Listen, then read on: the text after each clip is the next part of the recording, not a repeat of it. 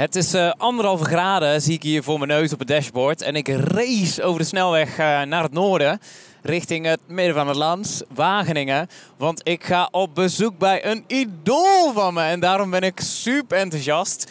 Ik ga zo dadelijk in gesprek met Karen de Galan. Wie kent haar niet? De trainster van trainers. Zij heeft dus de school voor training. En zij traint allemaal trainers uit Nederland en België. Er zijn er al, ik weet niet hoeveel bij haar langs geweest. Dit doet ze al een uh, jaar of 15, maar ze is al 27 jaar trainster. En ik kijk zo ontzettend uit naar dit gesprek. Het duurde heel lang om het te kunnen plannen, omdat onze agenda's uh, niet de, hetzelfde gat vertoonden, maar vandaag wel. Dus ik zie Karen de Galan tegemoet. Hallo! Tof dat je luistert naar de Gaaf podcast. Mijn naam is Rudy van Beurden en in deze podcast interview ik collega's, sprekers en trainers op het snijvlak van de volgende drie thema's: public speaking, personal development en poen en purpose. Waarom? Omdat ik erg benieuwd ben naar hun antwoorden op de hoofdvraag van deze podcast. Hoe fix je een gaaf leven? Dus, ben je ook benieuwd naar antwoorden op deze vraag? Of ben je op zoek naar meer energie in je leven en meer helderheid in je hoofd? Zet je dan schrap, want hier komt een volgende aflevering.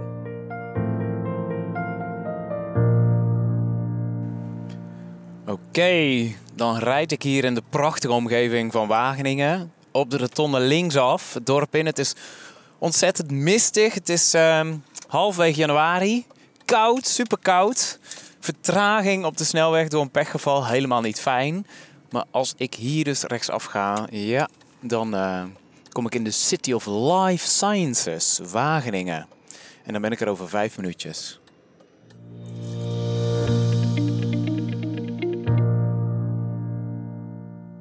Nu loop ik de juiste straat in. De microfoon staat aan. Bel maar als je aan de achterkant bent. Ik heb. Uh, ik ben bij de carport, maar daar is geen bel. Oké. Um, dan ga ik eventjes bellen.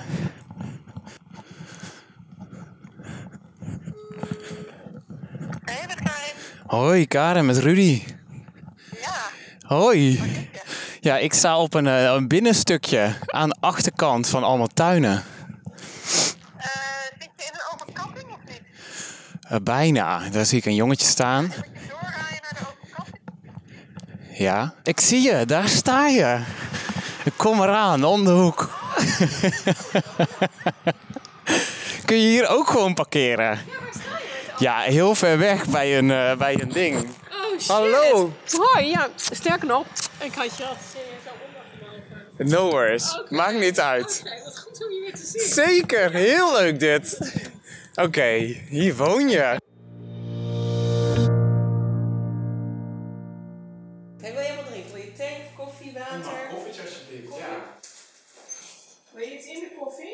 Zwart is goed. Zwart, dat is nou makkelijk. Dus ja, ik wil, ik wil het echt de wereld in hebben. ja. Ik heb zoveel vragen al. Vind je Nou, goed door aansluiten? Ja, want dan ja, tuurlijk. dan zijn alle vragen al eh, geweest. Oh, hij was nog niet eens aangesloten. Nee, deze moeten nog op inderdaad. Ja. Eigenlijk zijn er drie microfoons. Die, deze, dat zijn identieke headsets. En dan Ja. is dit ook nog een omgevingsmicrofoon. Soms als we dan door het bos lopen of zo, dan vangt Ja. hij vogeltjes op.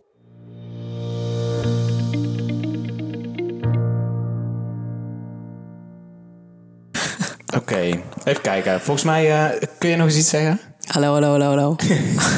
En iets origineels? Trainers in de wereld, welkom.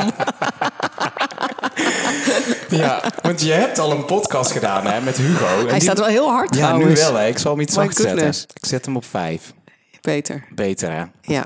We hoeven niet zo te schreeuwen. Nee. Goed, we hebben op de rode knop gedrukt. Ik ben in Wageningen.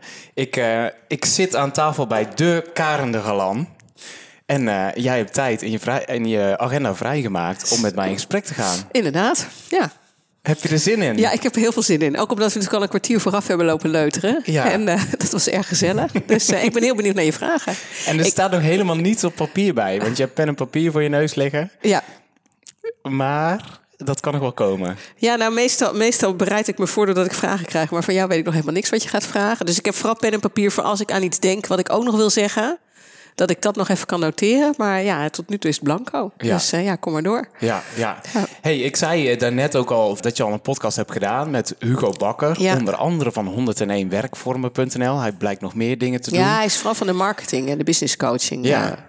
En Ja. hij vroeg ook dezelfde vraag aan jou. Van, ja, voor de trainers die luisteren, die Karen de Galan nog niet kennen. Maar bij mij is het publiek nog veel breder, ook met jong professionals. Dus Mhm. misschien word je al gespot op straat en kun je niet zonder zonnebril hier de voordeur Nou, nou, uit in nou. Wageningen.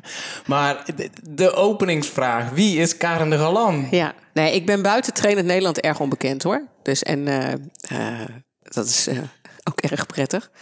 Ehm, ja, ik train trainers. Dat is denk ik het kortste antwoord. Ik, ik ben rond mijn 23 begonnen met trainen. Heb op allerlei verschillende plekken gewerkt. Ben uiteindelijk heb een boek geschreven voor trainers. Dat werd een bestseller. Toen ben ik me steeds meer gaan specialiseren in het trainen van trainers. Heb nog vijf boeken erachteraan geschreven. En heb nu een bedrijf waar mijn partner ook is ingestapt in 2008.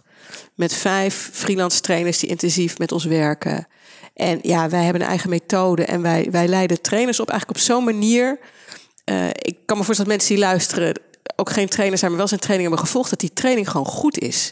Dat je geboeid wordt, dat je wat leert, dat je er ook echt wat mee kan in de praktijk. En dat is zeg maar mijn missie. En waarom is dat zo hard nodig? Heb je zelf van die tenen krommende saaie zittrainingen Nou, meegemaakt? Ik, ik, ik denk wel dat ik, ik vond school altijd heel erg saai.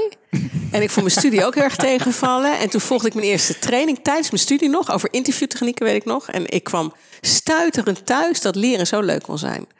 Dus ik, de, en, en ik, ik zie wel om ja, er wordt nog steeds. eh, Mensen doen erg hun best. Trainers zijn super bevlogen mensen. Maar er wordt ook wel ja, niet altijd even goed getraind en even effectief getraind. En dat is zo zonde. Dat is zonde voor de deelnemers, voor de organisatie en ook voor de trainer zelf. Ja, ja. Nou, daar gaan we het zeker nog over hebben. En tips die jij hebt waar ook jong professionals en andere werkenden een voordeel mee kunnen doen. Want die kunnen zich dus niet zomaar aanmelden bij je, of wel? Nee, nee, nee, nu niet. We hebben wel nog een heel klein plannetje om misschien ook eens iets te gaan doen eh, eh, voor de rest van de wereld. Maar dat is echt nog heel. eh, nou, dat hebben we deze kerst bedacht. Met kerst bedenken we wat nieuwe dingen. Maar ik richt me inderdaad nu alleen maar op trainers. Ja, ja. Ja. leuk. Ehm, ik ga sowieso zeggen voor mensen die dit een heel interessant gesprek gaan vinden. En ik vind het nu al interessant. Ik zei in het voorstukje in de auto al, toen ik nog niet bij je was, dat ik daverend enthousiast ben. Karen de Gelan. En nu komt de veer in je reet, als ik zo vrij mag zijn. Want wij hebben elkaar, denk ik, 15 jaar geleden voor het eerst ontmoet. Ik was echt een broekie bij de Ja, NJR, een ja. jongerenorganisatie. Ja, leuke club. En daar deden we maar wat als jongeren, weet je wel. Dat eh, hing van bevlogen subsidiepersonen aan elkaar. En we hadden een trainerspool die jonge trainende jongeren bij zich hield met, met het credo u vraagt en wij draaien. Dus wij trainen studentenraden en vrijwilligersgroepjes en jongerenwerkers door het hele land. Maar gebaseerd op niets. Gewoon op leuke dingen die we hadden gezien. Totdat bij een interventietraining de Karen de Glan herself geboekt was. En toen ging het dak eraf bij ons. Ja. En sindsdien ontstond de Karen de Glan methode. Ja. Die ze volgens mij tot nu nog steeds Ja, hanteren. ja, ja. En voor de mensen die nog nooit van je hebben gehoord. Maar wacht ik, even, ik ga je toch even onderbreken. Want jullie deden het niet met niets. Dat is echt niet waar. Ik kan me nog een debattraining herinneren die jullie gaven. Hè? En hij zat didactisch misschien niet zo goed in elkaar. Maar jullie waren bevlogen. Jullie stonden dicht bij de deelnemers. Dat is ook een heel belangrijk ingrediënt. Dus jullie deden het niet met niets. Jullie hadden al impact. Ja, ja. En ik vond het superleuk om bij te dragen. Om die nog wat te vergroten. Ja, dus wij waren echt 15, 16, 17, 18 denk ik. En Ja. inderdaad, wat je zegt, er waren wel outlines en zo. En het heette peer-to-peer education. dus wij als en jongeren dat super- trainden. dat is zo leuk. Ja, maar het was zo, ik, zo houtje touwtje vond Ja, ik het ook. En ja, ook van andere ja. trainers die toen eh, langskwamen, die waren of heel zweverig of heel rationeel met allemaal vooruitgeschreven plannen. En die raakten mij nooit. En Ja. de, de, de- eh, om het compliment helemaal rond te maken en af te maken, jij sloeg me echt van die stoel af omdat je zo helder bent, Mhm. eh, grappig kunt zijn, zelfspot toe kunt passen, hele simpele tekeningetjes kunt maken. En ook helemaal niet bang bent om de boel te simplificeren. Ik had het idee bij heel veel andere trainers die ik daarvoor zag, die dingen onnodig moeilijk maakten. Net als zo'n reclameboodschap die je al niet meer begrijpt van een nieuwe computer bijvoorbeeld. En je denkt, het zal dan wel goed zijn. Ja. Terwijl jij juist de motorkap omhoog trekt en laat zien van kijk, als je dit Ja. doet, dan Ja. resulteert het in dat. Super. Oké, dus dit is de start van de interview. Ja, precies. Zo zorg je wel dat het leuk gaat worden natuurlijk. Daarom.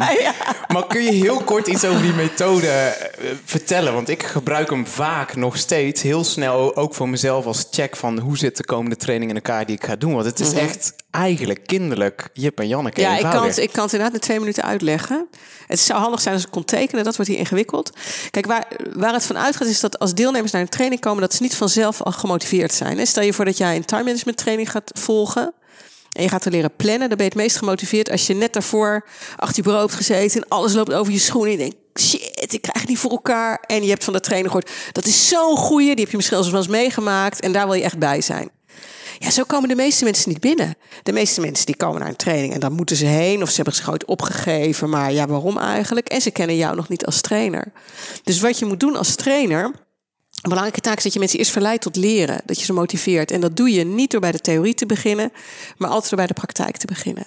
En door mensen als het ware een praktijkcasus te geven waarvan ze merken van, oh, met gezond verstand kom ik er niet uit. En met de hulp van de trainer wel. Dus bijvoorbeeld met een rollenspel, met de herkansing. Of een vraag over planning en dan vier verschillende opties. En dan welke vind je de beste en waarom. En dan komt er discussie in de groep. Dus mensen ontdekken daar eigenlijk gestuurd door jou dat ze het nu niet zo handig doen en dat het beter kan. Nou, dan heb je pijn en vertrouwen. Pijn, shit, het is lastig. Vertrouwen, hey, die trainer kan me wat leren. Ja, en als je dat hebt, kan je gaan bouwen. Dus zeg maar, dat is altijd de eerste werkvorm van een training. En daarna komt het dat je, daarna moet je zorgen dat je handige theorie geeft. Inderdaad, heel simpel gemaakt in een checklistje. Doe dit, doe dat, doe dat, doe dat. Het kan eigenlijk niet simpel genoeg zijn. En vervolgens zorgen dat er ook tijd is om dat ook echt te oefenen. En dat is de trap van weten naar snappen, naar kunnen en ook naar doen. Ja, ja. Ja, dus, dus, dus eigenlijk is een goede training is, is heel goed diagnose maken. Wat hebben mensen nou echt nodig? Zodat jouw inhoud precies past bij wat ze nodig hebben. Altijd starten met een ontdekkende oefening. Met de praktijk, dan je theorie dan in laten trainen en dan werken aan transfer. En dat dan op zo'n manier begeleiden, ja, dat mensen leren. Is daarmee eigenlijk elke goede training sowieso maatwerk? Eh, ja, maar je kan natuurlijk wel, als je heel vaak hebt getraind voor een bepaalde groep, dan kan je wel een open training maken. Maar dan moet je de mensen goed selecteren dat ze passen. Ja, er moet altijd een, een klik zijn tussen de deelnemer die komt en de training die jij biedt. Ja. Ja, er moet altijd een soort selectie zijn vooraf. Ja, want Ja. wat mij ook echt in mijn geheugen gegrift staat, wat voor mij een eye-opener was, is dat jij ook begint met het einde in gedachten. Ja. Begin with the end Ja. in mind. Stephen Covey. Heel veel trainingen die beginnen aan de voorkant. En halverwege het programma denk je soms als trainee, waar gaat dit naartoe? Ja. Terwijl jij bij de opbouw van je trainingen juist denkt, waartoe gaan mensen deze handvatten dat. of deze inzichten gebruiken? Ja, en ook als eerste onderdeel gewoon het meest sexy onderdeel wat je hebt plannen. Zodat ze voor de lunch al denken, wow, dit is gaaf. En niet beginnen met een basis of eh, wat is communicatie of eh, wat is de wet op kindermishandeling. Nee, je begint met het meest spannende. Oh, echt waar? Ja, dat is superleuk. Psychologische volgorde. Dan Oh, dat heb je ik- ze meteen. Ja. Ja. Kun je een hele goede startoefening bedenken voor mensen die een beetje in de weerstand zitten en accountmanagers zijn en die, eh, die moeten geactiveerd worden? Nou ja, de vraag is wat, ze- wat ze moeten leren. Een werkvorm puur om te activeren, dat, dat slaat nergens op. Oké, ze komen te blij over in hun koude acquisitiegesprekken. Nu weet ik van jou dat je het hartstikke leuk vindt om koude acquisitiegesprekken Ja, dat ik heel leuk, ja. Heb ik gehoord in die podcast. Hoe Maar hoezo, hoezo komen ze te blij over? Wat ja, doen ze nu? ze drukken te veel. Ze zijn te veel eh, met hun eigen verkoop bezig in plaats van met die. Oké, dus ze bellen op, zeg maar, en ze zijn te veel aan het drammen. Ja. Nou, dan pak je. Dus je doet altijd eerst even iets aan het programma vertellen en kennis maken. Hè? Dus half tien doe je dat. Tien uur leg je een casus voor en zeg je, nou, stel je voor, je hebt eh, gehoord dat er bij eh, Pieters en Lead is. Eh, die willen nieuwe leasecontracten. En ze zijn niet tevreden over de huidige. Jij bent dan accountmanager voor een leasemaatschappij. En je hebt telefoonnummer, jij gaat Pietersen opbellen. En wat je voor elkaar wil krijgen is een afspraak. En je weet dat Pietersen, dat is nog een ongeduldige man. En hoe ga jij het voor elkaar krijgen om die afspraak te krijgen? Nou, dan kijk je in de groep rond. Zeg je, nou, wie zou het willen uitproberen? Die vraag je voor de groep. Die vraag je van, nou, wie kan meneer Pietersen zijn? Halen ze iemand anders uit de groep? En die speelt meneer Pietersen. En dan laat je ze gewoon dat gesprek doen. En de rest van de groep kijkt, lukt het om meneer Pietersen ja te laten zeggen? Nou, dat gaat waarschijnlijk niet lukken, want die accountmanager gaat natuurlijk duwen. En Pietersen zegt nee, zet je stop. Ga je ernaast zitten, vraag je hoe was dit? Was het voor Pietersen? De groep, is het nou gelukt? Nee, waarom niet? Hoe komt dat? Krijg je feedback? Zorg je dat er een tip komt en je laat het hem nog een keer doen. Eh, en je zorgt dat het dan in ieder geval goed gaat. Bijvoorbeeld daar ook te souffleren op wat meer rust, wat meer vragen stellen. Ja, en dan heb je je eerste oefening. Dan zit iedereen op het puntje van zijn stoel. Want Ja. iedereen identificeert zich met die accountmanager die dat uitprobeert. Ja, precies, precies. Ja. Dus, het is meteen spannend. Ja, en dan zijn de ogen open en helemaal Ja. aangehaakt. En als je daarna vraagt, zal ik er wat over uitleggen hoe dit werkt? Zeg zo, ja, ja, ja. Weet je wel, dan zijn ze gewoon echt benieuwd. Want dan merken ze, je kan dus met een paar simpele dingen, kan je het zo anders doen. Ja. En ze hebben die pijn ervaren van Ja. shit, als ik Eerste ronde lukt het niet. Ja, precies. Ja. En vertrouw in jou als trainer, want jij begeleidt het heel liefdevol. Het is natuurlijk confronterend, maar je begeleidt het heel vriendelijk. Ja, Ja. Ja. En wat je nu ook weer heel duidelijk doet, je hebt heel duidelijk dat effect, het gewenste doel benoemd. Van Ja. hij moet ja zeggen. Ja. Dus het is meetbaar of hij, die meneer Pietersen, dat doet of niet. Ja. En het is een doel wat de deelnemer ook wil bereiken. Dus je zegt niet je moet leren open vragen stellen of LSD. Dat vinden ze heel saai. Maar zorg dat Pieters ja zegt. Ja, dat wil natuurlijk elke deelnemer. Ja, ja. Ja. Tof. Ik herken ook wel eens dat soms wordt je gevraagd voor gesprekstechnieken, bijvoorbeeld met groepen die nog niet eerder over dat doel na hebben gedacht. Met LOB-gesprekken bijvoorbeeld, dat zijn loopbaan-oriëntatiebegeleiding, doe ik vaak met Ja. docenten op middelbare scholen. En dan hebben die docenten het idee, we hebben 10 minuten de tijd en dan moet zo'n leerling vertellen, ik ga optie A, B of C doen. En het liefst binnen 10 minuten. En dan confronteer ik ze soms ook, wat ik uit jouw training ook heb geleerd, van oké, gaan jullie eens 10 minuten met elkaar in gesprek en probe- probeer eens te identificeren wat jij of jouw collega over vijf jaar doet. Waar staat hij of zij dan? Ja. Nou, en ze zijn nog niet eens klaar met de introductie van zichzelf, hoe ze tot dit punt zijn gekomen. Zeg ik met alle respect, jullie zijn twee, drie keer ouder dan die 16-jarigen. En jullie vragen welke studiekeuze moeten gaan doen en welke beroepen ze rollen. Terwijl Ja. we niet eens weten welke beroepen eraan komen. Het verandert Ja. exponentieel. Ja. En jullie zijn twee, drie keer ouder en jullie lukt het niet eens. En dan vraag je dit wel aan 15, 16-jarigen. Dus dat is soms ook heel confronterend. Van waartoe heb je die gesprekken? Ja, maar weet je, dit is toch niet de manier van confronteren die ik voorsta, als je niet erg vindt dat ik het zeg. Nou, want in deze werkvorm ben jij de confrontator. En zeg jij, jullie zijn eigenlijk sukkels dat je dat wil. Oké. En in mijn werkvorm ben ik nooit de confrontator. Is altijd de tegenspeler die zegt, nu lukt het niet en ik ga je helpen om wel te laten lukken. Mhm. Jij geeft ze eigenlijk een onhaalbaar doel mee. Om zichzelf te, om te weten wat ze over vijf jaar doen, bedoel je? Ja, dus jij, jij, jij zegt eigenlijk, probeer er maar eens achter te komen met z'n tweeën. Waar die over vijf jaar staat, dan lukt het niet. Zeg je, ja, zie je wel, dat kan ook niet. Dus dat kan bij de leerlingen ook niet. Dus jullie, weet je wel, dan is het eigenlijk een komma sukkel. Dat heb ik ooit eens een keer geleerd, hè? Komma sukkelzinnen. Dat je er sukkel achteraan kan zeggen. Oh, oké. Ja, Dat moet anders. nou, het, het, het risico wat je hiermee loopt, zit je de verhouding tussen jou en de deelnemers. eh, kijk, en jij bent natuurlijk heel aardig en leuk. Dus ik denk dat jij je heel veel kan permitteren bij groepen. Eh, en het is risicovol, omdat eigenlijk de eerste boodschap die, je van zou, die zij van jou horen is dat ze iets niet goed doen. Ja. Dus, dat, dus dat, dat maakt het een beetje spannender voor hun om zich te laten zien. Ja, ja. En het is ook een werkvorm waarbij je eigenlijk al van tevoren weet... ze gaan, zeggen, ze gaan geen succes hebben. Ja, ja, precies. En dat is ook niet zo fijn. Ja, nu moet ik wel zeggen dat ik deze nooit helemaal op het begin programmeer. Mhm. Maar ik nam het voorbeeld voor me om te duiden wanneer hebben mensen een doel of niet. Dus, Ja, ja, ja. ja, en ik pakte omdat ik weet dat mijn... Dus de werkvorm die ik net schetste heet confronterende start. En mensen denken vaak dat confronteren is als je als trainer de groep confronteert. Maar dat is het juist niet, zeg maar. Dus een medecursist of een Ja, medetrainer. ja, ja. En jij, jij bent als het ware de good guy die uiteindelijk zorgt voor succes. Ja. Ja. Ja. maar goed, jij, jij wou voor iets anders eh, wou je gebruiken. een trainingsplekje ja, mag-. Nou ja, er is heel veel veranderd, hè. Dus überhaupt is het natuurlijk weggezakt na Ja. 15 jaar. En, en we zijn zoveel verder dan 15 jaar geleden. Ja, hè. Dus ik heb inderdaad opleiding ook voor mensen die... Ik krijg binnenkort iemand in de opleiding... die na tien jaar geleden de opleiding heeft gedaan... en die nu de didactisch meesterschap gaat doen, de zevendaagse... om gewoon alles weer eens even lekker fris eh, Ja, ja, te krijgen. Ja. Wauw, je zou zeer welkom zijn natuurlijk. Fijn, fijn, fijn. Het Ja. is het eh, 24 sporen in mijn hoofd en ik ga ze gewoon benoemen. Want wat ik heb teruggekregen van deze podcast, mensen zeggen... Rudy, echt de leukste gesprekken die jij hebt... zijn met mensen die enigszins op jou lijken. Waar jij Mhm. dus op je gemak voelt en daar spat de energie van af. Maar soms als je mensen te leuk vindt, dan behandel je ze eigenlijk te lief. Dat is een beetje een les die Oh ik ja, leerde. Dus Terwijl nou, jij eh, al lekker terug weet te duwen, weet je wel. Jij durft al heel duidelijk te zeggen van... nou, zo bedoelde ik hem eigenlijk niet te confronteren in de start. Want dit, dit. Dus dat Oh ja. is super fijn. Tegelijkertijd, wat het me opvalt, als jij het zo over je vak hebt en jij schudt gewoon meteen zo'n startoefening voor accountmanagers Mhm. uit je mouw, ge- gebaseerd op expertise. En je gaat ook helemaal aan. Je bent zo aan het stralen, je ziet die ogen van jou aangaan. Maar één vraag die ik dan heb, misschien is het een beetje een bot, maar hoe komt het dat je het nog steeds zo leuk vindt? Je bent al 27 Ja, jaar bizar, hiermee hè? bezig, meer dan Ja. 25 jaar. Ja, nee, ik merk het zelf ook. Je hebt, ik, vind, ik ga meteen aan. Ik, dus dat is ook zo. Ja, dat had ik niet verwacht. Hier, hiervoor ben je in de wieg gelegd. Ja, dat denk je. Want toen ik begon met trainen, dacht ik, nou, dat ga ik vijf jaar doen. Dan ga ik weer wat anders doen. Maar ik blijf het zo leuk vinden. Ja, dus ik, is een combi. Ik vind het belangrijk dat het goed gebeurt. Hè? Dus op het moment dat jij dan zo'n oefening vertelt, dan komt er echt bij zo. Nee, nee, dat weet je wel. Je moet niet, Niet met dat beeld. Of ja, jij mag er nog wel denken, maar als de luisteraars dan denken, dat is niet goed, want dan beschadig. Ja, weet je dat is niet fijn voor deelnemers. Ja, en volgens mij trainen zelf, het is een vak waarin je nooit bent uitgeleerd. Dus leren vind ik heel erg leuk. Oké. En elke training weer is het weer, eh, moet je echt helemaal aanstaan, omdat die groep er echt geen boodschap aan heeft. Als de training vorige week heel gaaf was. Dus je moet het met elke groep weer opnieuw maken.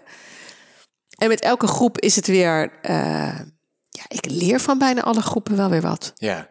Ja. Maar de- de- moet je dan, wat jij zegt, je moet aanstaan. Ik noem dat soms ook wel eens pieken. En een van Mhm. de dingen die ik heb ontdekt, piek wanneer het nodig is. Je kunt niet altijd een 10 neerzetten. Ergens heb ik ook gelezen of gehoord dat jij relatief weinig uren per ja. dag werkt. Ja, ik werk weinig. En hoeveel dan, als ik mag vragen? Nou, ik denk dat ik eh, een uur of zes op een werkdag werk. Ja. Maar dan ga je wel volle bak. Ja, als ik naar vandaag kijk, staat om acht uur achter mijn bureau. Kwart over acht. En om half twaalf ben ik eh, weggaan om te gaan sporten. Dan kom ik thuis, ga ik lunchen. Ik doe altijd een powernap, ga altijd een dutje doen. Echt? Ja, en ik ben hier de boel gaan opruimen. En nu heb ik met jou een gesprek. Nou, Overdag doe je een powernap. elke dag als ik thuis ben. In de training ook nog vaak even met mijn ogen dicht zitten in een eh, zijkamertje. Echt waar? Ja. En hoe lang Ja. duurt dat dan? Nou, 15 minuten. En waarom doe je dat? Nou, ik, ik word helemaal fusie in mijn hoofd op een gegeven moment. En als ik dat doe, dan ben ik weer wat fitter. En, eh, nou, en nu, ik denk, als jij weg bent, nou, misschien moet ik, ik ga misschien nog een half uurtje wat doen. En dan ga ik koken, eten. En vanavond doe ik niet zoveel meer. Oh, dat klinkt echt relaxed, hè? Ja, maar erv- ervaar je dat ook zo, of niet? Ja, ik vind dat ik wel een leuk leven heb. Oh, dat is heel fijn. Oh, nog meer vragen. We gaan even die paar sporen afmaken. Dus je bent helemaal hoekt, want je houdt van leren. Dat is gewoon een Ja. belangrijke component. Bij elke training moet je helemaal aanstaan, zeg je ook. Mhm. Is dat altijd het geval of in hoeveel procent van de gevallen? Heb je ook wel eens... ehm, nou ja, nogmaals, ik raad gewoon mensen aan om die andere podcast ook te luisteren. Van al die 720 deelnemers in die basisopleiding, 60 groepen die jullie hebben gehad, zei je, ja, dat zijn een paar mensen die je op een handje kunt tellen, ehm, die niet tevreden waren. En in de reflectie tijdens het leren ben jij terug gaan kijken waar het hem in Ja, zat. ja. Ehm, is dat niet super vermoeiend? Dat je ook gewoon denkt van ja, ik, ik heb genoeg gegeven. En het is ook aan andere Nee. mensen om het aan te nemen of aan te pakken. Ehm, nou, Het lijkt alsof je heel streng bent voor jezelf. Dat is eigenlijk mijn vraag. Ben je streng voor jezelf? eh, even denken. Ik, nou, eh, ehm, ja, ik weet niet of je het streng moet noemen, maar ik denk wel dat. eh, ik heb bijvoorbeeld laatst een tussenevaluatie gehad van de opleiding die ik doe. En dan kreeg ik van één deelnemer terug dat ik in de tweede bijeenkomst een opmerking had gemaakt die zij heel naar had gevonden. En ze kon hem nog letterlijk terughalen. En het klopte ook gewoon. Ik was echt te bot geweest. En zij. En ze was verder helemaal lyrisch over de opleiding over mij. Maar dat stukje vond ze niet fijn. Ze was een beetje in de schulp gekropen. En, eh, en had een tip voor mij. Nou, en ik mail haar dan terug dat ik het herken. Dat ik weet dat ik dat kan doen. Dat ik het heel fijn vind dat ze het zegt. Dat het echt aan mij ligt en niet aan haar. En dat als ze nog een keer zoiets heeft, dat ik het echt fijn vind als ze het zegt. En ik ben daar dan wel op bedacht. Ik denk, oh ja, dus volgende keer, ik moet nog meer... Of het is goed om weer eens opnieuw te horen. Mijn valk is om te scherp te zijn als ik, als ik haast krijg in het programma. Hè, als ze een beetje uit de tijd lopen. Mild, zacht, liefde. Dat zijn echt belangrijke dingen voor mij. En dan kan je natuurlijk zeggen, ja, pech gehad voor haar. eh, dan moet ze maar niet zo gevoelig zijn. Maar ja, zij betaalt niet om een goede deelnemer te zijn, zeg maar. Zij, zij mag gevoelig zijn. Ik ben zelf ook heel gevoelig als ik deelnemer ben. Weet je? Ik heb ook dingen waar ik lastig. Dus ik vind het dan wel mijn werk om, om gevoelig te zijn voor, voor feedback. En ik denk wel, kijk, vroeger kon ik echt nachten van wakker liggen. Had ik echt, als ik een, als ik een dag slecht had getraind, had ik echt een beroerd weekend. En zo erg is het niet meer. Dus ik leid er minder onder, maar ik, ik ben er wel. eh, ja, ik vind dat ook wel horen bij het vak. Ja, ja. Dus Ja. je zegt eigenlijk, zij betaalt ervoor dat jij een goede trainer Ja, bent. ja. Waardoor zij dus op de gemak kan zijn en zich veilig voelt. Ja, en, ieder, en in dit geval is het gewoon echt 100% gelijk. Hè? Dus ook niet gevoelig. Maar soms zijn mensen ook wel dat ze iets hebben van... Denk, nou, hè, dat is misschien wel een beetje overdreven. Of het ligt 90% bij jezelf en 10% bij mij. Maar dan vind ik nog steeds dat ik die 10% te pakken heb. Ja, ja, ja. En daar ben je verantwoordelijk voor. Ja, daar ben ik verantwoordelijk voor. En, en het is bovendien ook zo dat op het moment dat je dat niet doet... eh, dan wordt die 10% al snel groter. Dus, dus de, de, de moment dat ik het meest gevoelig ben om de plank mis te slaan bij, bij een groep... is als ik iets te lang mezelf heel erg geweldig vind. dus, en als trainer heb je daar risico op. Hè? Want je krijgt positieve evaluaties. Ik doe ook nog eens een keer veel op LinkedIn. Ik krijg, nou, jij begint ook nu zo met complimenten. Als ik lekker heb geschreven, kan het voelen... nou, dit, wordt zo, dit is zo geweldig. hè, De wereld moet... Weet je wel, dus je kan een beetje op een wolkje komen. Ja, en met deze dichte mist hier buiten Ja. lijkt dat helemaal alsof we in de zevende hemel maar als je te veel op een wolk zit bij je groep, dan maak je geen contact. Dan sla je de plank mis. En dan krijg je dus meteen op je flikker van een groep. Oh, wauw. En dat is heel effectief. En ook wel herkenbaar, inderdaad. Herken je dat? Ja, maar wat doe je dan? Hoe, hoe prik je die wolk dan weer door om gewoon weer even te landen en bij ze te zijn? Nou ja, als je op je flikker krijgt, dat is heel fijn. Want dan krijg je gewoon feedback van je groep. Ja. En dan moet je dus naar luisteren. ja, dat je dus of te scherp bent of te haastig bent. ja, Of... ja, ja. te hard aan duwen En, bent. en van tevoren gaat het heel erg over. Voor mij, ik doe altijd op weg eh, daarheen dat ik echt intune op mijn groep. Ja, en nederigheid is een belangrijke kwaliteit voor een trainer. Het gaat niet om jou. Ja, Ja. Jij bent er voor hen en zijn zij er Ja. niet voor jou. Dus eigenlijk om ook even terug te komen op jouw vraag... en waarom is dat vak nog steeds zo boeiend? Omdat het ook persoonlijk zo'n uitdaging is elke keer. Ja. Ja, want dan denk ik ook... Wat heeft dat vakje dan gegeven in 25 en 27 jaar tijd... ehm, wa- wa- waardoor je dus als mens, als persoon, als, als, als individu ook echt veranderd bent? Of wat heb je in je persoonlijke leven ook veranderd in de omgang met mensen? Of hou je die werelden strikt gescheiden? Want je zegt nu van, het is ook interessant voor jou als persoon. En denk, ja, Ja. wat dan? Nee, ik denk dat dat niet... Nou, in, in, in het echt ben ik minder leuk dan... Weet je wel, in privé ben ik natuurlijk minder aardig dan als trainer. Dat zeg ik altijd. Als trainer ben je toch een beetje de 2.0 versie van jezelf. Ja, wel hè? Want Ja, het is toch wel ja, een natuurlijk. rol, het is, een, het Natuurlijk. is je werk. Het is ook een rol, dus ik kan thuis echt een korter lontje hebben dan als trainer. Als trainer word je natuurlijk betaald om mensen ook aardig te vinden. Dus Maak in, je ook wel eens ruzie met mensen? in een training of daarbuiten? Nee, erbuiten. Eh, Of woordenwisselingen. niet zo- met Peter natuurlijk wel. Met Peter heb ik af en toe wel ruzie. Ja. Ik ben al 15 jaar mijn idool. Ik moet straks thuis die poster boven mijn bed weghalen. Als heb jij nooit wat dan? Jij hebt ook wel eens ruzie hoop Nou, ik. zeker met Roel, die ook in deze podcast heeft gezeten... en die ook binnenkort een eh, training bij je gaat volgen. Nee, zeker, dat kan er wel Ja. op, eh, op losgaan. En daar Ja. hebben hij en ik het ook wel eens over. Van wie ben je voor de groep en in hoeverre is het echt? Maar je bent ook in een training wel gedienstig aan die anderen. Ja, ja. Wat hebben zij nodig? Daar dien je wel scherp op te zijn. Ja. En soms kun je ook te snel gaan. En mijn allergrootste valkuil is, en dan gaat het weer terug naar jou. Ik kan heel erg ongeduldig zijn. Ja. Dus Ja. ook als ik... eh, als, als het in groepen niet te snel gaat, en dat heb ik bij de NJR ook al geleerd. Ik denk super snel. En dan had ik al 33 keer het antwoord. Ja. En dan zei zo'n trainer op een gegeven moment: Ja, eh, Rudy, nu even niet. Eh, nu laten we even iemand anders het woord geven. Want anders kan het knap irritant worden. Ja. Maar dat is wel ook als je voor de groep staat. ja, heb ik ook. Ik heb eh, ontzettend geduld moeten leren. Maar dat heb ik in mijn eigen leven echt nog niet. Nee? Nee, nee, nee, nee. nee. Maar je bouwt dan wel veel rust in. Dat je Als gewoon... trainer, maar als trainer heb je natuurlijk ook al drukker in je hoofd. Het is makkelijk om geduldig te zijn. Maar als trainer kan ik ook te snel gaan. Maar geduld heb ik heel erg moeten leren. Ja, Ja. want Ja. je kunt die leer... eh, snelheid van anderen gewoon niet afdwingen natuurlijk. Dat kun je Nee, niet. en het heeft me ontzettend geholpen om kinderen te krijgen... die allebei op een verschillende manier leren. Ook in een verschillend tempo leren. Dat ik daar dacht, oh ja, maar iedereen moet het, moet het kunnen snappen. En dat Ja. is wel dat, in lijn met die missie van jou om goed te zijn. Dat zeiden we ook voordat de microfoon aangeeft. Want je, je, hebt heel veel focus op kwaliteit. Je wil het graag goed doen. Tegelijkertijd denk ik dat goed een elastiek begrip is. Dus ja, wanneer is het goed? Dat is ook Nou, het grappige is dat je, dat je het beste bent als je niet foutloos bent.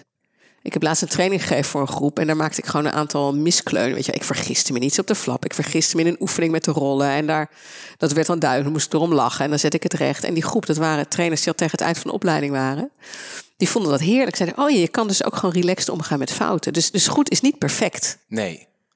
Dus juist, want dan word je menselijker. Ja, Ze herkennen ja, zich in ja, jou, omdat je zelf ook altijd wel eens fouten Maar maakt. goed is wel naar beste kunnen werken. Dat is het volgens mij. Dus dat je wel aanstaat. Dat je niet een training afraft en denkt, nou daarna begint mijn echte leven. Nee, die training, dat is gewoon...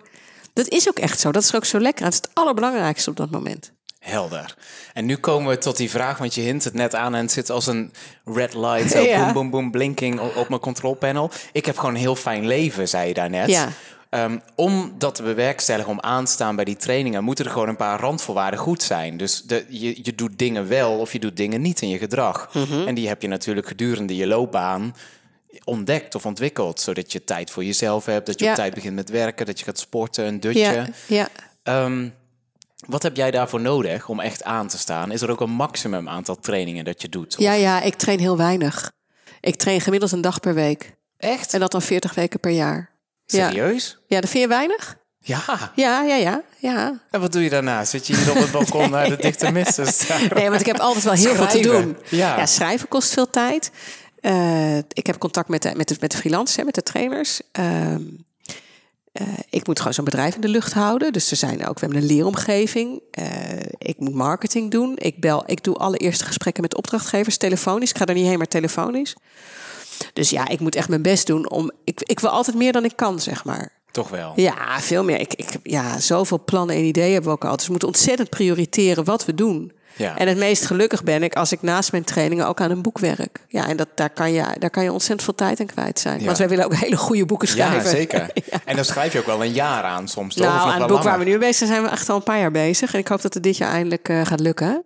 Ja, kun je Ja. daar heel kort iets over vertellen? Want dit is nu een boek wat je samen gaat schrijven Ja, met met partner. Peter. met Ja, dat is, ja, Peter Bagge, dit is mijn partner. Die is eh, in 2008 in het bedrijf gekomen. Die is eigenlijk wetenschapper. En die is een jaar of zes geleden begonnen om te kijken... wat is nou eigenlijk in de wetenschap gezegd... over hoe mensen leren en hoe je kan trainen. En hij is gestuurd op een leertheorie met daarbij wetenschappelijk onderzoek... wat ontzettend goed is en wat voor 90% overlapt met mijn methode. Waar hij heel verrast over was. Dat is heel grappig. Dus mijn, mijn credits zijn in huis een beetje gestegen nu. Hier zweef je ook altijd een beetje rond. Als je niet in een woordenwisseling Ja, ik kom natuurlijk uit de praktijk. Ja, heerlijk, Ja, fijn. dus als het dan wetenschappelijk ook. Dus we hebben op basis daarvan de methode gefine-tuned en willen een boek schrijven waarin die wetenschappelijke ontdekkingen ook, ook praktisch maken voor trainers. Ja, zodat dat het ook gedragen wordt door die academische wereld misschien, of niet? Dat, dat zou Peter heel leuk vinden, want die vindt dat er nog veel meer onderzoek gedaan kan worden. En ik vind het vooral heel gaaf dat trainers dan nog beter kunnen gaan trainen. Want er zitten echt dingen in. Ja, dit, dit- ja dat is gewoon super handig om te weten. Wat werkt en wat niet werkt. Ja, ja, ja, ja. Ja. En dat zijn dan, want ik, ik, soms je hebt ook een hele duidelijke mailinglist waar je blog schrijft maandelijks. Eh, soms komen er wel eens reacties op van mensen van nou dan lijkt het over te komen als een trucje als je iets doet als trainer, een interventie of een werkvorm of zelf vervang ik dat woord bijna automatisch in, in mijn hoofd door technieken. Dat klinkt al veel neutraler dan een trucje. Krijg je dat wel eens terug? En zijn dat ook dingen die, die jullie in het boek beschrijven? Dat dat technieken zijn of interventies of trucjes? Want eigenlijk, als je daar heel goed in bent, dan kun je eigenlijk ook het gedrag van mensen om je heen beïnvloeden.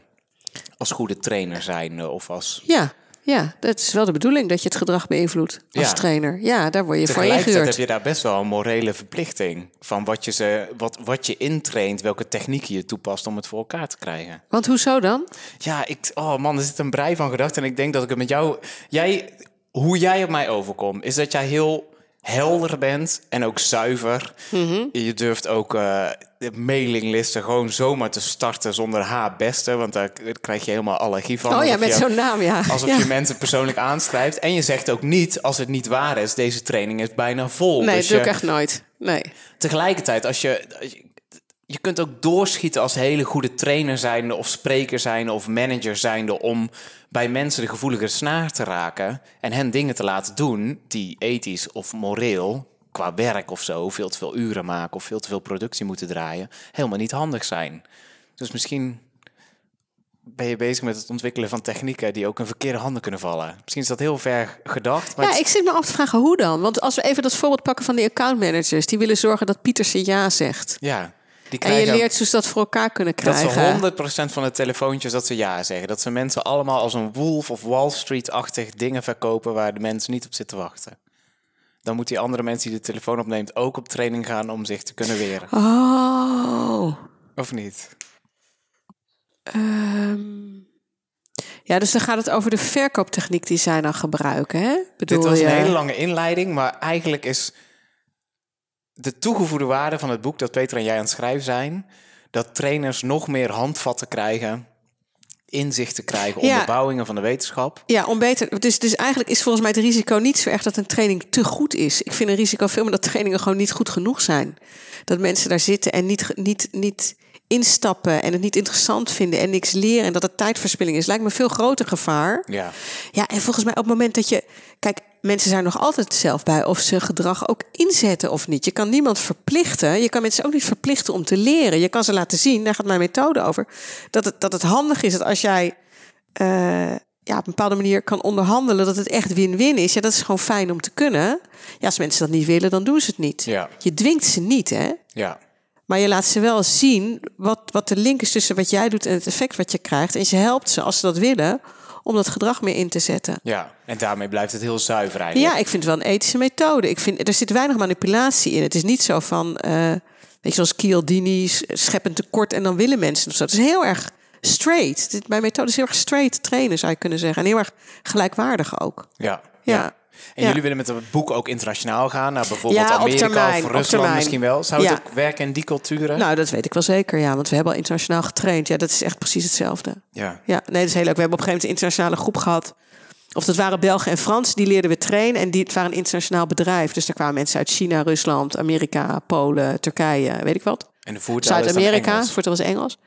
En die waren lyrisch over de manier waarop ze werden getraind. En daarna hebben we nog een groep gedaan, waar ook mensen uit die landen allemaal in zaten. Ja, dus het aansluiten bij de praktijk en het vervolgens gericht intrainen, dat is natuurlijk niet zo cultureel bepaald. Dat kan Dus ook eh, wel. ja, maar eh, we doen het stap voor stap. Ik was de vorige keer bezig met en internationalisering en dat boek. Dat werkt niet. We moeten één groot project tegelijkertijd. Nu eerst het boek en dan zien we wel weer verder. Doe één ding en doe Eén het ding- goed. ja, precies. Ja, Ja. helder. En zijn trainers überhaupt een hele fijne doelgroep om mee samen te werken? Heerlijk. Ja, zo fijn. Waarom?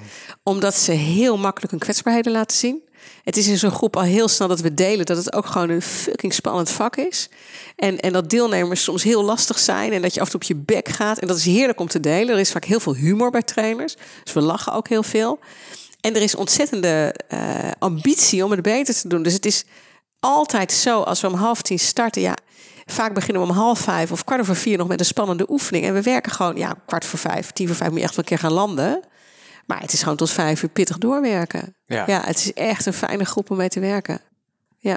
En dat doe je meerdere dagen achter elkaar of komen mensen over een langere periode telkens een dag terug? Of Dat wisselt. Dat wisselt. We meestal doen we losse dagen. Bij de, bij de langere opleiding, de vakopleiding trainen, trainen we tweedaagse. Maar zonder avondprogramma, want het is gewoon te, te vermoeiend. We hebben ook heel veel losse dagen en dan gaan ze het weer toepassen en dan komen ze weer terug. Ja, en soms ook een enkel dagje. Ja. Dat is heel zelden, want dat, heeft niet, dat, is, dat is bij één specifieke soort training en zo. Verder doen we eigenlijk altijd meerdaagse. Ja, ja, ja, ja. Ja. ja, Goed, er staat nog steeds één lijntje open, want de insteek van deze podcast is de hoofdvraag. Hoe Ja, fijn je een leven, gaaf hè? leven? Ja. Een gaaf leven Ja, ik denk nou dat mensen denken dat ik echt heel weinig werk. Dat is zo'n beetje... Wat maakt het uit? Je zit toch goed? Prima, hoppatee. Dat wil iedereen. En dan willen ze van leren hoe je dat doet. Non de pie. Ze willen gewoon concrete tips. Hoe krijg ik dat ook voor elkaar? Ja, Allereerst, wat vind je van die vraag? Hoe fix je een gaaf leven? Wat roept het bij je op? nou, in eerste instantie iets van, moet ik daar wat over zeggen? Dat is natuurlijk helemaal niet mijn expertise. Nou, Dat, dat was het eerste. Dus vraag wat roept het op? Dat was het eerste. Ja. ja. En als Ja. tweede? En als tweede vind ik wel dat ik een heel fijn leven heb. En, Ja. en hoe? Want daarnet hint je daar heel kort al naar. Je hebt geduld moeten leren. Dat heb je ook Ja. geleerd door jouw kinderen, zeg je. Dus mensen die ook kinderen hebben, kunnen daar ook al een voordeel mee doen. Maar zijn er nog meer concrete beslissingen die je hebt gemaakt... of afwegingen die je hebt gemaakt... waardoor je... Ja. Gaaf leven had. Ja. Of, of- Nou ja, ik denk wel... de- Kijk, aan de ene kant is het gewoon, heb ik ontzettend geluk gehad dat ik dit vak heb ontdekt. En al redelijk vroeg. En al redelijk vroeg. Ik was 23 en ik weet echt dat ik op feestjes mezelf moest inhouden om niet te vertellen hoe leuk dat was. Weet je wel, net als dat mensen met kinderen gaan roepen dat iedereen Oh. kinderen moet, heb ik een spuughekel aan. Dat vind ik echt afschuwelijk. Doe dat niet, mensen. Nee, nee, nee, doe dat niet inderdaad. Hè. Je weet ook helemaal niet wat voor verhaal erachter zit aan de andere kant. En of mensen wel of niet willen en kunnen en weet ik wat. Maar ook met mijn werk moest ik me echt inhouden. Maar ik ben natuurlijk een, een geluksvogel dat ik, dat ik werk heb wat ik zo graag doe. Ik verheug me heel vaak s'avonds op de volgende dag. En oh, kan ik dit doen, kan ik dat doen. Dus dat is een hele belangrijke geweest.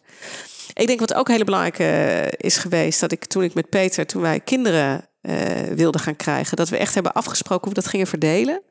Dus we hebben dat echt altijd 50-50 gedaan.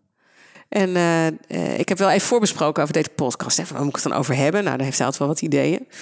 En toen haalden we ook terug dat, dat, dat ik zei van... ja, als ik training heb, dan blijf jij thuis. Wat er ook gebeurt op je werk, jij blijft thuis. En als, als, ze, zie- als ze ziek zijn... en als ze ziek zijn en ik heb geen training, dan blijf ik thuis. Ja, ze zijn echt bijna altijd ziek geweest als ik training had. dus dat, dat is een belangrijke geweest. Ja, en ik denk dat dat. eh, dus als je het samen doet, dat maakt het al heel erg veel makkelijker te combineren. Ja, en dat ik voor mezelf ben begonnen, dat is echt een hele goede beslissing geweest. Want Ja. toen kreeg ik zoveel meer ruimte om dat te doen wat ik het liefste deed. En zoveel vrijheid. Ja, ik, ik vind dat ontzettend fijn. Ik droom, ik heb twee soorten nachtmerries. De eerste is dat een trainingsgroep niet doet wat ik wil. Nou, dat hebben heel veel trainers, hè. die komt ze elk jaar maar een keertje terug. En de andere is dat ik een baan heb geaccepteerd. En dan word ik 's ochtends wakker, echt in een paniek van hoe heb ik dat nou kunnen doen? En dan denk ik, oh nee, het is niet waar, het is Het maar een is gewoon droom. een droom, ja. Ja, ik vind voor mezelf werken echt geweldig. En wat maakt En de volgende je- is trouwens natuurlijk dat Peter erbij is gekomen. Want dat heeft ons leven samen zoveel leuker gemaakt. Ja, Dat is natuurlijk ook nog een belangrijke beslissing geweest. omdat je beter weet wat de ander doet? Of dat je... Ja, nou ja, omdat je heel erg samen op kan werken, omdat je elkaar kan aanvullen, omdat wij al, we hebben, het, we kunnen het, we hebben altijd dingen waar we het over willen hebben, die ons raken.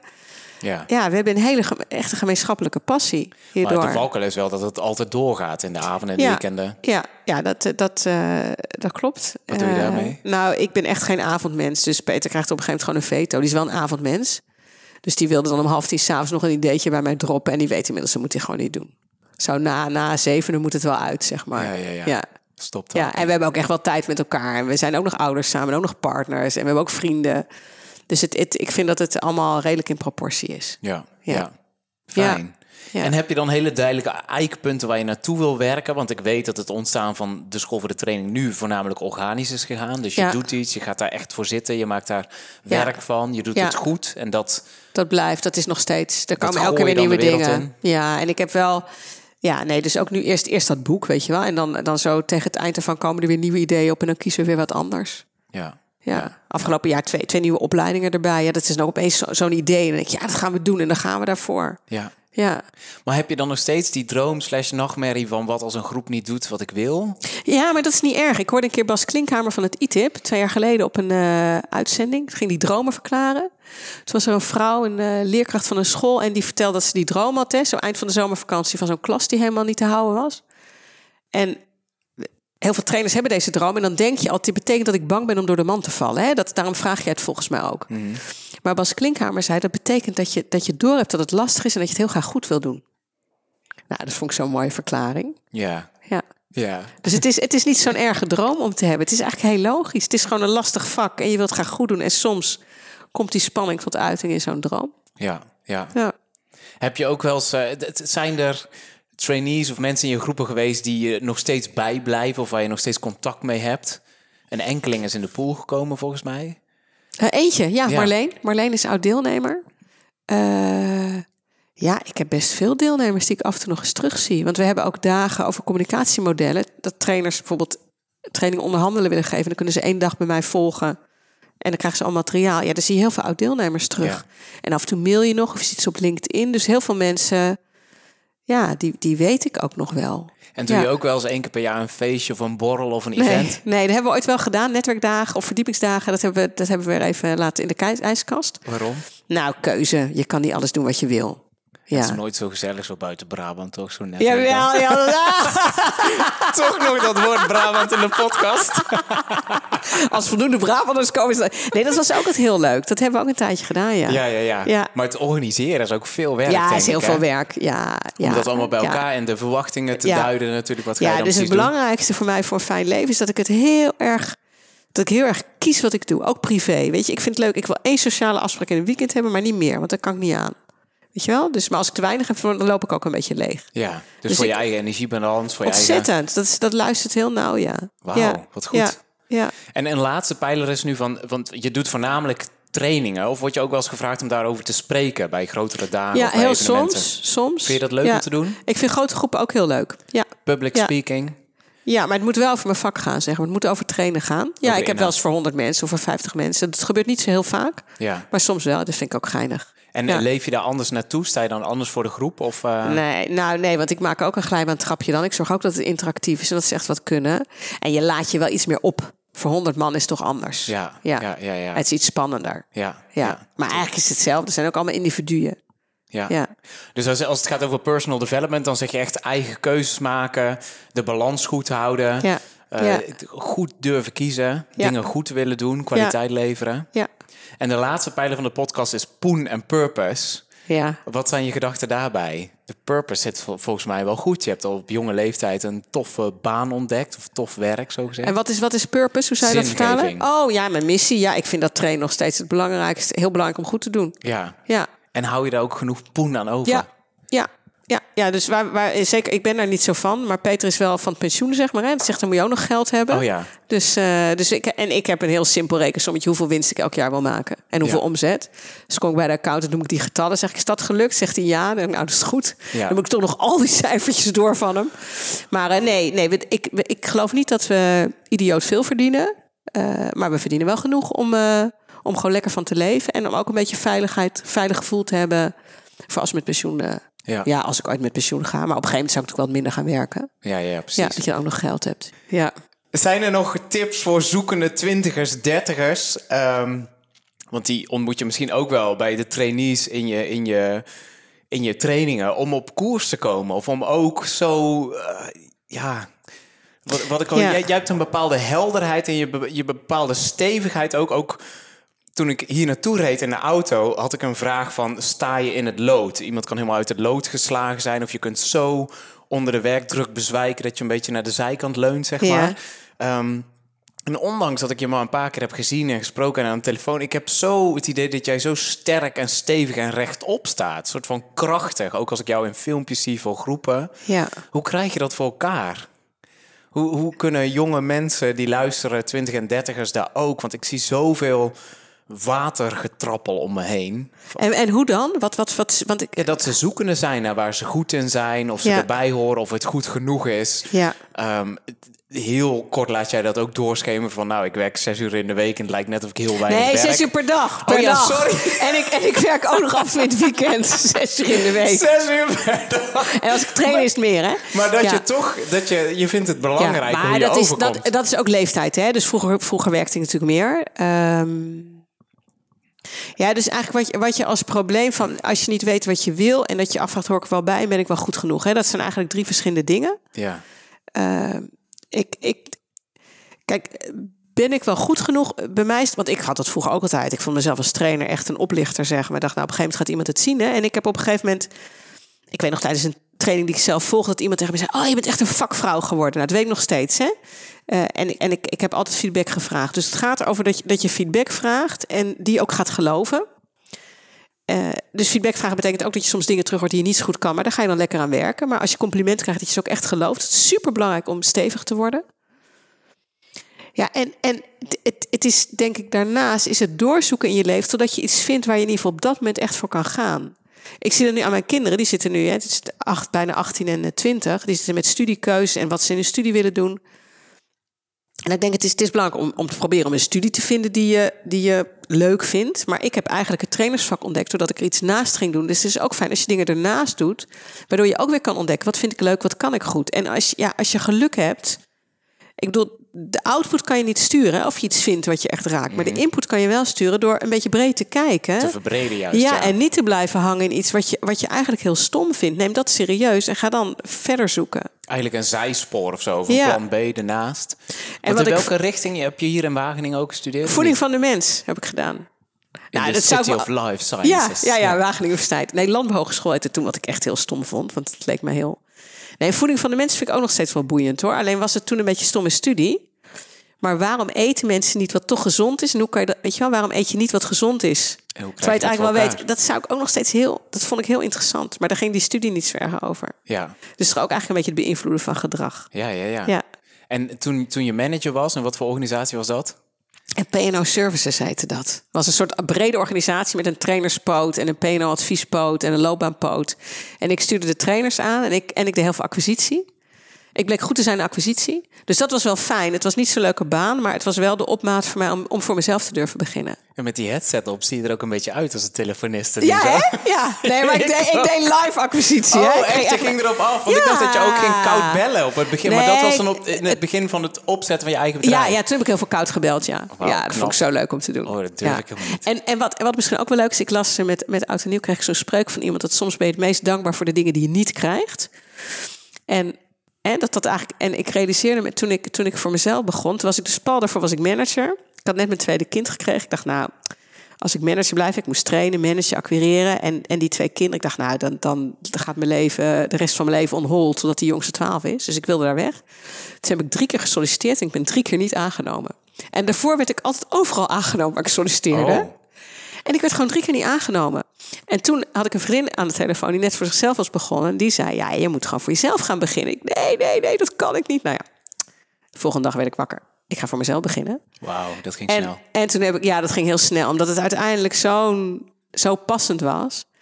En toen heb ik daarna nog twee van die drie eh, organisaties opgebeld om dat te vertellen. En die hebben me toen meteen klussen aangeboden. Dus dat was heel grappig. Ja, ja, ja. ja, omdat het natuurlijk wel een soort klik was. Maar ik was echt niet meer geschikt voor loondienst. Maar achteraf ben ik natuurlijk heel dankbaar dat ik die banen toen niet heb gekregen. Want Ja. dan, dan was ik nooit voor mezelf begonnen. En resulteerde dat dan in een vliegende start, zo gezegd? Of gewoon een gemakkelijke start? Ik had een hele makkelijke start. Ik kreeg ook nog een klus mee van mijn oude werk, omdat, omdat die echt mij wilde. En ik had toch een heel groot netwerk. En ik, ben, ik was erop bedacht om, om echt een tijd lang weinig te gaan verdienen. Maar het ging eigenlijk meteen heel goed. Ja. Lekker. Ja, heel lekker. Ja. Ja. dus ik ben ook een geluksvogel. Ik heb ook veel geluk gehad. Fijn. Ja, het is heel ik fijn. check nog even mijn lijstje of ik iets vergeten ben, want veel zat al in mijn korte termijn geheugen. Ehm, ja, heb jij misschien nog suggesties voor andere podcastgasten? Oh, wat een leuke vraag. Ja, maar dat doe ik dan daarbuiten om, toch? Anders Dat is is het stom goed. als ik hier iemand noem en die weet het zelf nog niet eens. Ja. Dat en wel een misschien één beetje- laatste, die heb je ook wel in die andere podcast verteld, want ik vond hem zo ontzettend grappig. grappig. Jij startte voor jezelf, daar had je veel discipline voor nodig om ook met jonge kinderen te werken en uren te maken. Ja. Wat deed je dan met die kinderen om ze zoet te houden? Dit is echt een gouden voor jonge Ja, ouders. dat ze, dat ze zelf boekjes gingen lezen, bedoel je? Nou, volgens mij dat niet. Volgens mij zei je dat je een schaaltje met fruit had, met op de bodem een snoepje Ja, wat verstopt. heel slecht is. Ja, dan En dan op- zette je ze voor de tv. ja, in het weekend, s ochtends, dan ging ik van zes tot acht schrijven. Wauw. En dan rond half zeven riep zo'n kind. En die zet ik dan snel voor de tv met z'n twee. En dat is natuurlijk heel slecht voor de tanden eigenlijk. Hè? Snoepje onder in het fruit. En dan kon ik nog doorschrijven. Ja. Ja. Hebben ze nu geen last van? Ja, nu, hè? Hebben ze nu geen Van last de van? tanden? 15, 16 jaar later. Nee, en ze hebben ook geen last van hun tanden. Nee. Gelukkig. Nee. Ja. Hartstikke leuk, joh. Ik zou nog wel vier uur met je door kunnen praten. Maar het moet ook beluisterbaar zijn natuurlijk voor, eh, voor de luisteraars. Ze kunnen zeker terecht op schoolvoortraining.nl? Ja, dat klopt. Dat is de website. Ja, ze Ja. kunnen ze inschrijven op jouw nieuwsbrief. Het is een van de weinige nieuwsbrieven die ik heb, omdat die echt waarde biedt. In plaats van Leuk, kom naar ons, bel, eh, bel ons, neem Ja. onze dienst af. Doe je ontzettend goed, één keer per maand. Soms zit er een Ja. filmpje tussen. Laatst over weerstand in de groep. Ja. Leuk om te zien. Ehm, heb je nog een shout-out? Een laatste uitsmijter? Een wens om naar Brabant te emigreren? en een feestje op de planning? Wat dan ook? Deel het. Dit is echt vreselijk. nee. Hey jij daar, zit je met een vraag of heb je een suggestie voor hoe deze podcast nog gaver kan worden? Of misschien ken je wel iemand die ik echt, echt, echt moet interviewen? Stuur me dan een mailtje via podcast.gaaf.eu. nee, ik ga ook nog een laatste wens hebben. Als het over mijn vak zou gaan, altijd wel, hè? Ja. Misschien nu een reflectie op deze podcast. Ik heb geleerd dat onderscheidt mens van dieren. Dat mensen kunnen leren omdat ze in staat zijn om te reflecteren. Hoe vond je het? Nou, ik zit me vooral af te vragen. Volgens mij is het een heel oninteressant verhaal. Dus dat is wel. Ik ben wel benieuwd om nog eens terug te luisteren. Nou, dat gaan we zeker doen. Ja, dat gaan we doen, hè? De Ja. grap is, als ik heel Ja. eerlijk ben, heb ik dat met sommige gesprekken ook gehad. Ja. Ehm, met deze helemaal niet, zeker niet. Maar dan hoor ik hem in de edit en dan hoor ik zoveel andere dingen en pareltjes en dingen die super interessant waren. Ja. En dat wat misschien gesneden koek is voor jou, is gewoon revolutionair voor andere mensen die het Nou nog nooit ja, hebben ik denk dat het belangrijkste is. Jij bent zo lekker om mee te praten dat ik gewoon ben gaan praten. Terwijl ik normaal natuurlijk veel overdachter ben in wat ik zend, dat dat ook interessant moet zijn voor iemand. En dat heb ik nu echt, nou, ik ben gewoon antwoord gegeven op jouw vragen. Ja. En dat zorgt wel nu na afloop, denk ik, nou ja, is dit dan wat? Maar goed, dat laat ik ook. eh nou, ik Ja, en ik denk ook, in een, ik denk dat wij een andere. Wanneer is het goed? Ik vind dat zo'n interessante vraag. Ik heb het vorige week nog gedaan in een keynote bij een gemeente in het westen van het zuiden van het land. Dat is een soort van eh, spin op eh, draadstaal, het oosten van het noorden van het land. Ehm, zij gingen een tweedaagse in zonder duidelijke doel of zonder duidelijk eikpunt. Waar werken we naartoe? Dus ik, ik peilde die mensen naar hun verwachtingen. Waar hoop je op in deze twee dagen? En dan zeiden mensen, ja, ik hoop gewoon dat het goed gaat. Of Ja. ik hoop dat de neuzen dezelfde kant op staat. Ja, ja. Nou, toen heb ik zelfs zoiets flauw gezegd van... hé, hey, kijk eens uit het raam om te zien wat er op de markt gebeurt. Want we zaten allemaal in dat raadshuis. staat de neus dezelfde Nou, kant op. 80% die draait aan zijn hoofd op. Heel flauw. Maar ja, is nu het doel behaald? Nee dus. En als je zo cryptisch praat en zulke cryptische woorden gebruikt... ja, wanneer ben je er dan? Dus Ja. die wethouder die kwam na mij en die zei... goh, nadenken over wanneer is het goed. Dat is een interessante. En zelf denk ik daar heel veel over na. En ik doe juist ook als host, als dagvoorzitter, als spreker ook iets veel met hele grote groepen. 100, 200, 300 mensen in de zaal. En dan kun je niet zo'n ragfijne en nauwkeurige intake hebben als bij Nee. kleinere trainingen. Dus daar heb ik geleerd dat iedereen een eigen genre heeft. En er zitten zoveel lagen en categorieën mensen, plukjes mensen in de groep. Sommigen hebben je al gezien, sommigen weten wat er komt. Anderen hebben een heel andere leervoorstel. Niet kolp, want dat blijkt door de mand gevallen te zijn, maar andere dingen. Goed zo. Ehm, Dus eh, wanneer is het goed? Ja. Mensen kunnen daar een cijfer op geven. Zelf kun je er een cijfer aan plakken. En de waarheid ligt ergens in het midden. Ja, En ja. vonden ze het niks, dan skippen ze Dan maar skippen door. ze gewoon lekker door. Dan luisteren Ja, naar iemand anders. Maar ik heb een super fijn gesprek met je gehad. Ik vind het jammer dat we ons moeten comprimeren tot drie kwartier, vijftig minuten. Zodat het beluisterbaar is. En er, er zitten zeker dingen in. Zeker Nou, ik ben heel benieuwd. Ja. Dankjewel. Jij bedankt. Dank je.